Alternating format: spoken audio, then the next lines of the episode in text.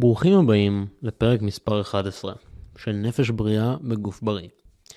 בפרק הזה אני אדבר על המינימום שצריך לעשות בשביל ליהנות מהיתרונות של פעילות גופנית. גם אם אתה בן אדם סופר עסוק ואין לך זמן להשקיע בפעילות גופנית. אני אסכם, מחקר מהנושא אה, שיצא לאחרונה ב-2021 וגם אה, נקודות למחשבה שלי על הנושא מהניסיון האישי שלי אבל חוץ מהאנקדוטה הזאת גם כמתאמן ומאמן הרוב יהיה קשור למחקר ולממצאים המדעיים בנושא הזה. אני אגיד עם מה אני מסכים יותר, עם מה אני מסכים פחות ומה אני באופן אישי הייתי ממליץ לכם לעשות כולל טיפים מאוד מעשיים ופרקטיים על איך ליישם את זה. אז אה, בואו נתחיל.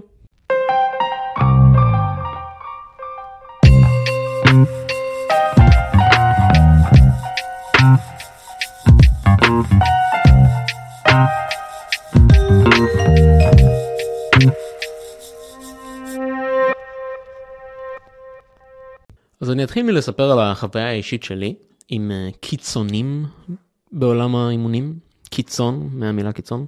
אה, זה נע בין להתאמן אה, יותר מדי ללא להתאמן בכלל. זה כשאתה נכנס לאיזה משהו ואתה מאוד מאוד אוהב את זה ואתה רוצה להצליח בזה ולקדם את זה, זה יכול להגיע לפעמים לאיזשהו מצב קיצון שאתה כבר מתחיל להגדיר את האופי שלך סביב זה. אני כבר הפכתי להיות החבר שמתאמן בעיני חברים שלי וזה כאילו היה הקטע שלי וזה כל מה שהייתי מדבר עליו וזה כל מה שמעניין אותי וזה כל מה שהייתי חוקר עליו. וזה עדיין תחום שמאוד מעניין אותי ואני חוקר אותו המון אבל הייתי צריך להגיע לנקודת קיצון הזאת כדי לחזור בחזרה לאיזשהו נקודת איזון מסוימת של ההבנה והרצון לעשות עוד דברים בחיים. לבלות עוד זמן עם האנשים שאני אוהב, לפתח את שאר התחביבים שלי. אפילו לא לעשות משהו משמעותי ו-to take it easy לזה איזה כמה זמן ולהירגע ולחשוב עם עצמי, לכתוב דברים, ללמוד לנגן, אה, לשבת לקפה עם אנשים שאני אוהב לשבת איתם לקפה. אה, הייתי צריך יותר איזון בתחום האימונים בחיים שלי. והייתי צריך לחוות את הקיצון כדי להבין שהגעתי לאיזושהי נקודת קיצון ואני צריך לסגת ממנה. ובשאיפה, אחרי שהגעתי לשם ולמדתי את הלקחים שלי, אני יכול לשתף אותם ולתת אותם למי.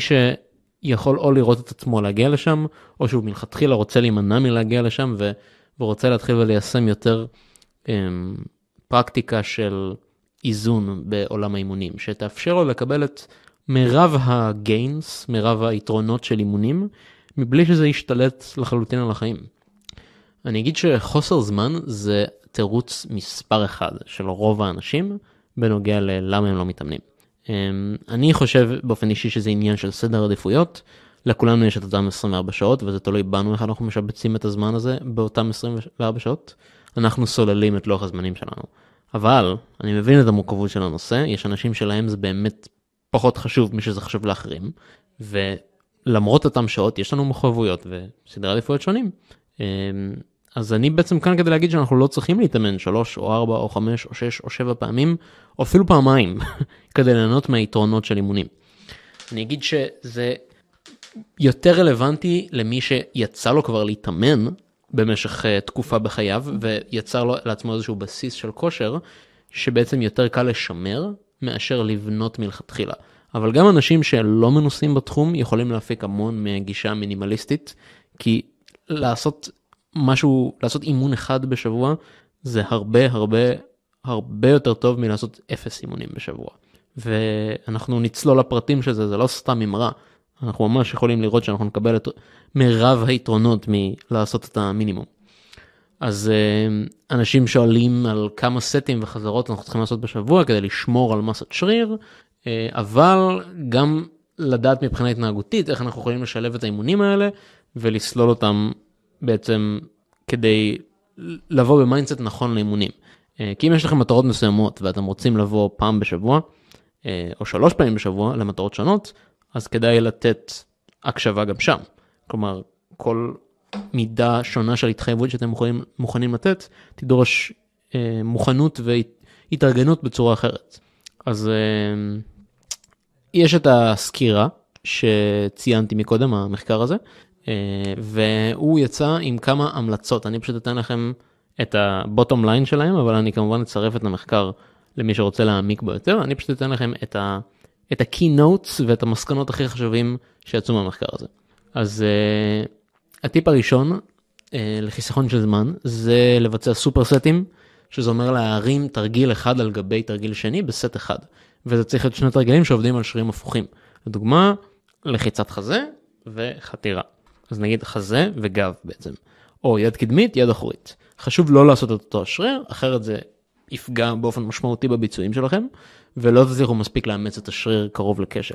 יש מקום ל- לעשות סופרסט של שני תרגילים אחד אחרי השני, אבל זה לא מה שאנחנו מדברים עליו כאן. זה כבר אם אנחנו מנסים להתיש יתר על עמידה שריר אחד באיזושהי טכניקת דרופסט כזו או אחרת. זה לא העניין פה, פה אנחנו מדברים על סופרסטים, לחסוך זמן, אנחנו לא רוצים לפגוע בביצועים שלנו. יש עוד דרכים של שיטות אימון מתקדמות, אבל זה הדרך הקלאסית, ובאופן כללי צריכים להיות חכמים בשימוש של שיטות אימונים מתקדמות כאלו, ולא סתם לזרוק אותם. יש סיבה שהשיטות האלה נקראות שיטות אימונים מתקדמות. אז, אמרנו סופרסטים.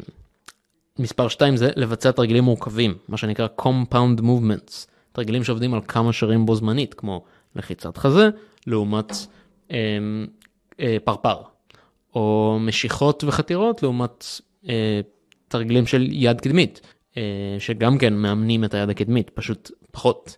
אה, לחיצת כתפיים לעומת אה, הרמות קדמיות, front אה.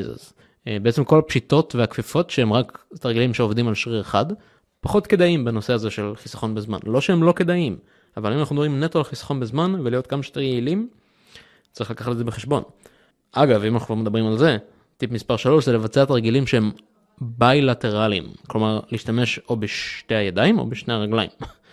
סקווט, מתח, בנץ' פרס, שכיבות צמיחה, חתירות, אימות, בניגוד נגיד לדברים כמו משיכות, חתירות ביד אחת, אה, תרגילי יד קדמית או יד אחורית שעושים ביד אחת, לאנג'ים, אה, זה בעצם ייקח לנו חצי מהזמן, כי אנחנו נעשה סט פעם אחת, ואם אנחנו צריכים לעשות את הסט פר יד או פר רגל, זה ייקח לנו פי שתיים יותר זמן.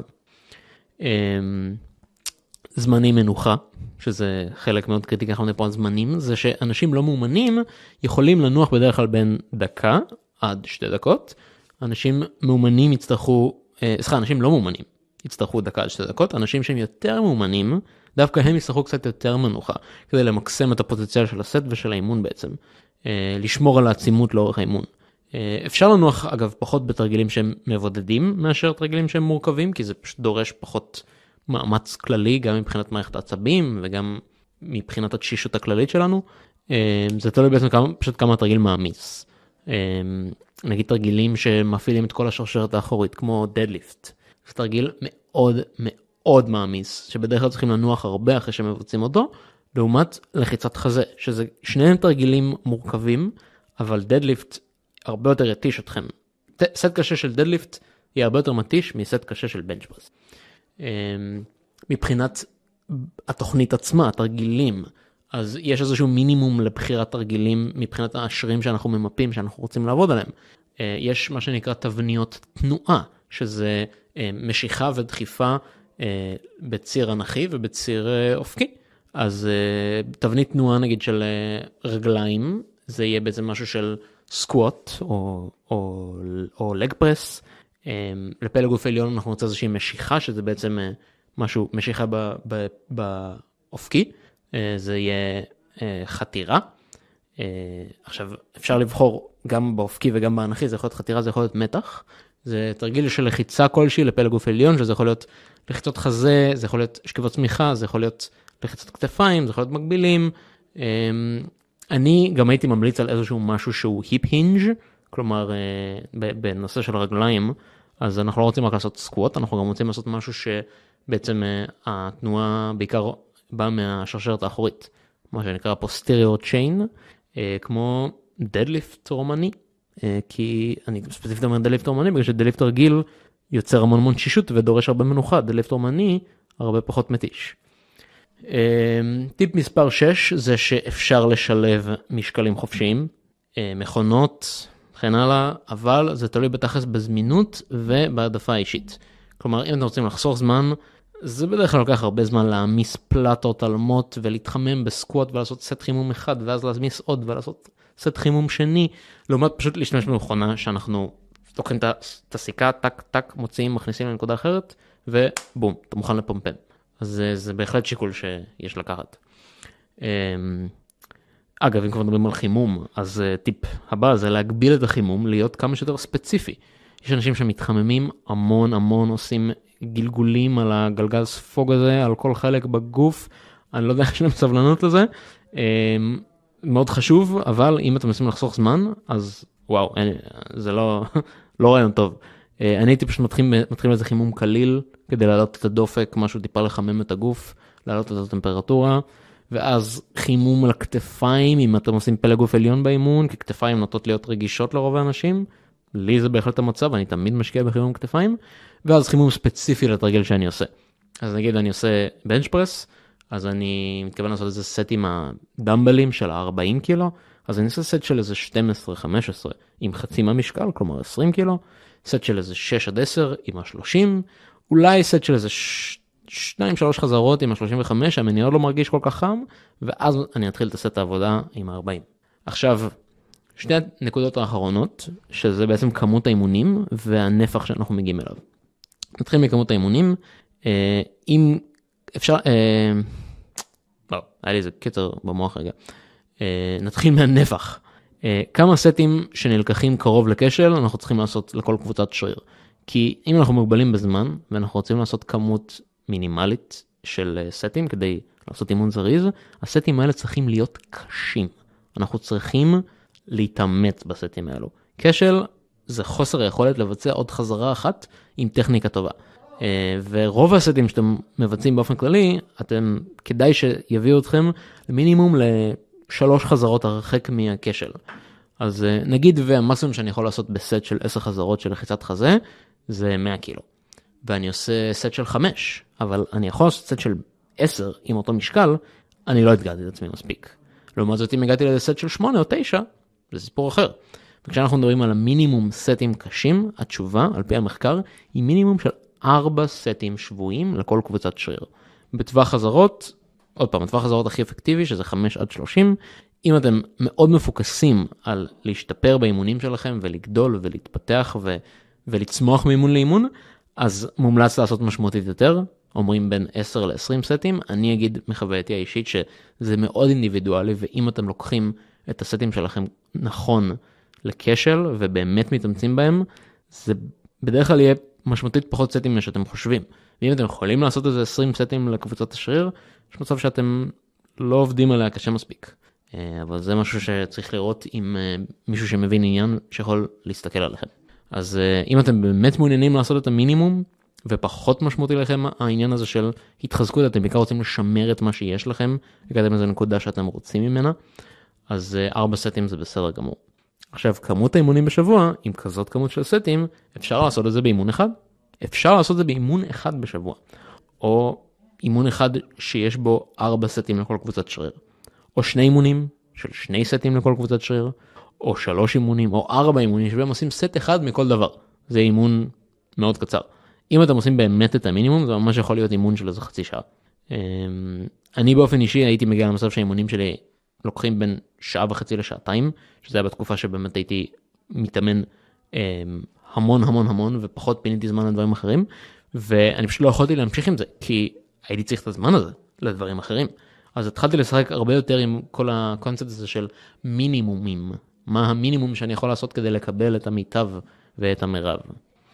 אז אה, זהו, אני מקווה שנהנתם, למדתם קצת על אימוני כוח אפקטיביים, איך אפשר להפיק את המקסימום מהמינימום, לא צריך לעשות יותר מדי כדי להיות בכושר במרכאות, ויש בהחלט מינימום נדרש כדי על, לשמור על המצב שכבר הגעתם אליו, שזה יכול להיות מאוד רלוונטי לתקופות מסוימות בחיים, שבהם אנחנו יותר בעומס או פחות בעומס, תקופות רציניות של לימודים או משהו שאנחנו פחות יכולים להשקיע בלהשתפר באימונים, אז אנחנו עדיין יכולים לעשות את המינימום כדי לפחות לא ללכת אחורה, אלא להישאר לפחות באותו מקום וגם טיפה להשתפר.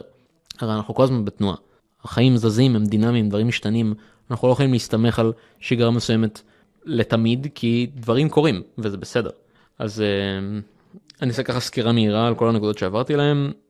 סופרסטים, תרגילים מורכבים, תרגילים שמפעילים שני גפיים ולא, ולא רק אחד מהם, זמני מנוחה, מינימום דפוסי תנועה, שזה משהו לרגליים, משהו לדחיפה, משהו למשיכה, בחירת תרגילים שלא דורשים הרבה זמן להכין, כמו סקווט שצריך להעמיס פלטות ולהתחמם הרבה, חימום ספציפי, נפח שבועי מינימלי וכמות אימונים בהתאם לאותו נפח שבועי מינימלי. תודה רבה שהאזנתם, אני הייתי אורי שוורץ, אתם הקשבתם לעוד פרק של נפש בריאה בגוף בריא, ונתראה בפרק הבא.